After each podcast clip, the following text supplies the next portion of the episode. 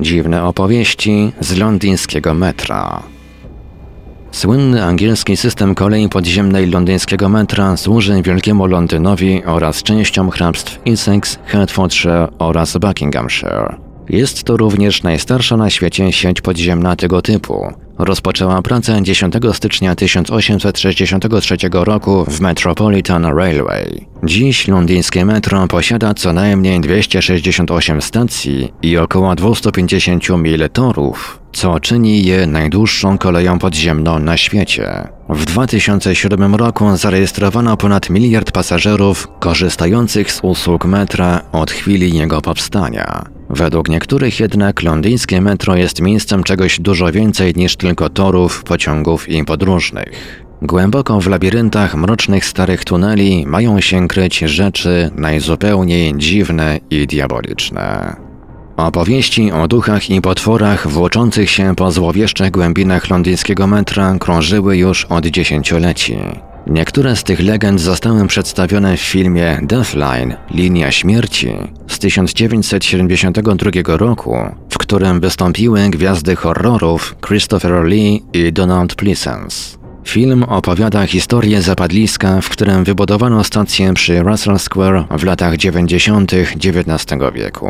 Po tym, jak nastąpił wypadek, kilku irlandzkich robotników, zarówno mężczyzn jak i kobiety, zostaje uznanych za zmarłych. Firma budowlana następnie bankrutuje i nie stać jej na wydobycie ciał. Jak można się spodziewać, robotnicy tak naprawdę nie giną, lecz przeżywają i rozmnażają się. 80 lat później ich pochowane potomstwo mieszka głęboko wewnątrz podziemnych tuneli, zapewniając sobie pożywienie na stacji metra przy Russell Square. Badacz Michael Goss zbadał legendy o takich pochowanych ludziach zamieszkujących londyńskie tunele i jest sceptyczny w kwestii tego, czy mają one jakiekolwiek podstawy w faktach.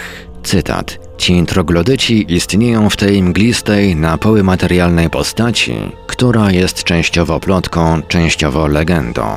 Podziemia wydają się łudząco niewinnym rodzajem legendy Londynu, takim, który narratorzy powtarzają z pogardliwym ubawem, a który jednak prosi się, by mu uwierzyć. Prawdopodobnie żywią się oni sandwichami i burgerami, które wyrzucamy. Wszyscy też wierzą, że pożerają również tułaczy, pijaków i innych odosobnionych nocnych podróżników. Teraz masz kolejny dobry powód, aby unikać Northern Line po godzinach szczytu.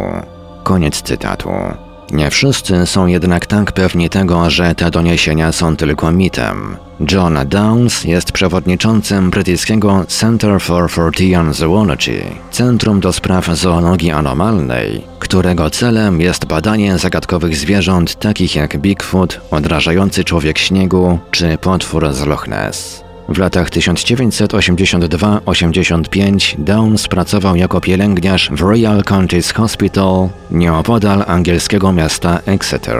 Pracując tam, Downs słyszał historię o tym, jak to w pewnym czasie w latach 40. XX wieku działy się przerażające rzeczy, które były bezpośrednio związane z historiami o dziwnych zdarzeniach w londyńskim metrze.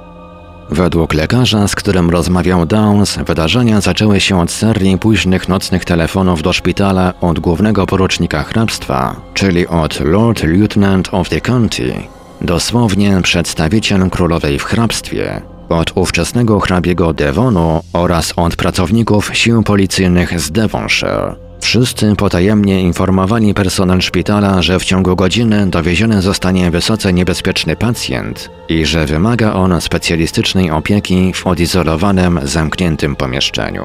Około 45 minut później, tuż pod szpitalne drzwi, podjechał policyjny pojazd. Kilku oficerów policji wyszło z pojazdu tylnymi drzwiami, usiłując wyciągnąć coś, co według lekarza przypominało mocno zabrudzonego i pokrytego włosami jaskiniowca. Stworzenie miało wzrost około 6 stóp i było całkowicie nagie. Posiadało wysokie czoło, szeroki nos i bardzo silnie umieśnione ręce i nogi. Przez trzy, jak mówiono Downsowi, dni człowiek bestia był bezpiecznie przetrzymywany w szpitalu, po czym przeniesiono go do nieokreślonej lokalizacji daleko poniżej londyńskiego metra. Jego los pozostaje nieznany. Pod niektórymi względami ta historia dziwnie pokrywa się z historią człowieka o nazwisku Colin Campbell, który utrzymuje, że jadąc metrem do domu w połowie lat 60. przeżył koszmarne spotkanie z bardzo podobnym stworzeniem. Była późna noc, zaś Campbell był jedynym pasażerem, który wysiadł z pociągu na przystanku przy Northern Line.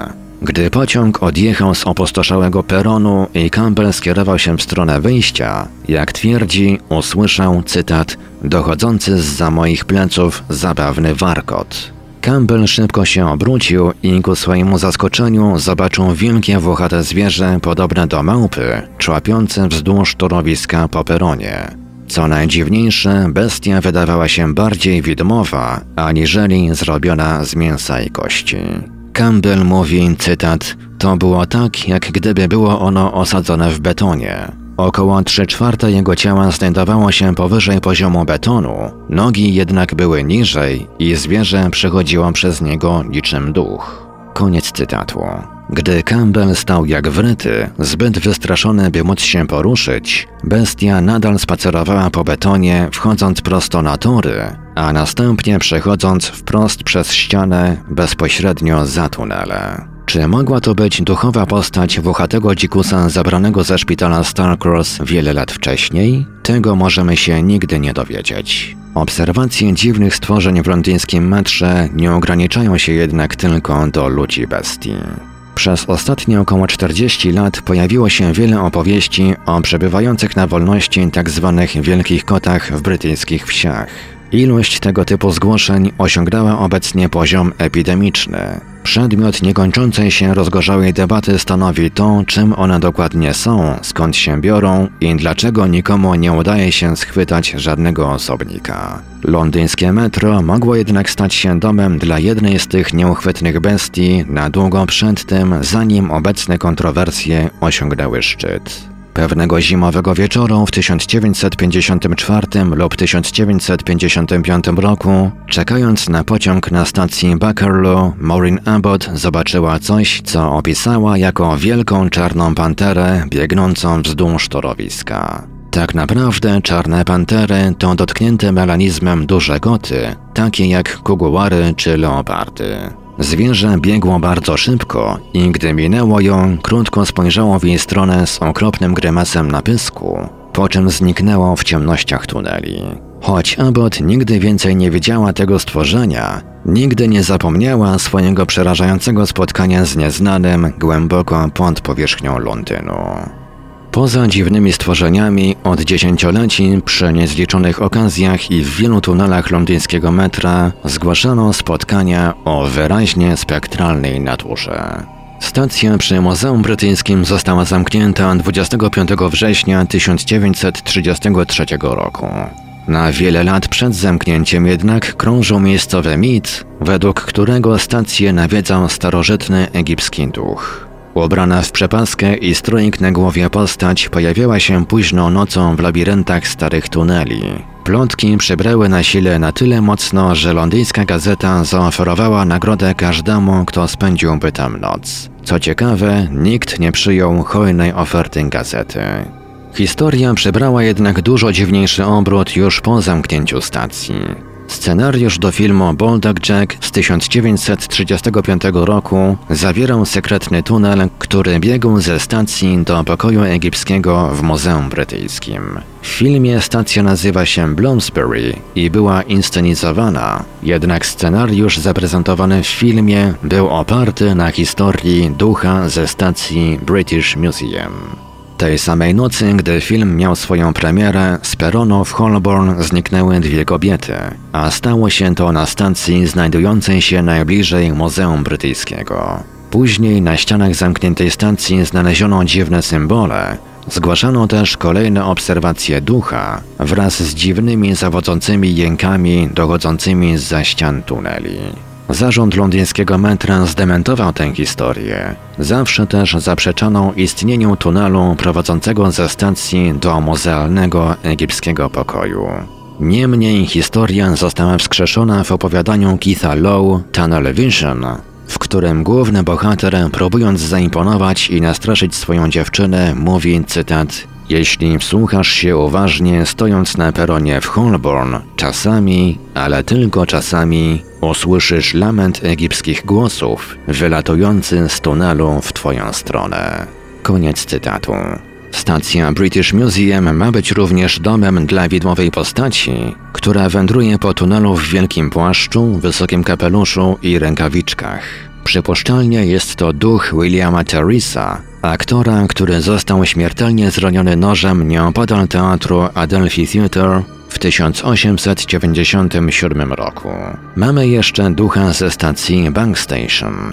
W trakcie budowy tej stacji robotnicy mieli obudzić ducha kobiety o imieniu Sarah, szerzej znanej jako Czarna Zakonnica. Powiadano, że jej brat Filip był pracownikiem banku straconym za fałszerstwa, który pracował niedaleko stacji.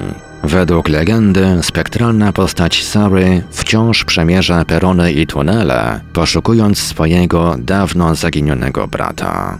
Mając historię o włochatych ludziach bestiach, tajemniczych wielkich kotach i przyprawiającym o zawrót głowy asortymencie duchów, widm i niematerialnych postaci grasujących po londyńskim metrze, uprawnione wydaje się pytanie, co jeszcze nurkuje w cienistym podziemnym świecie angielskiej stolicy.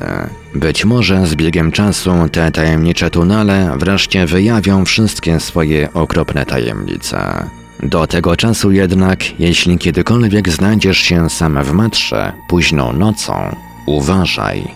Oni mogą cię obserwować.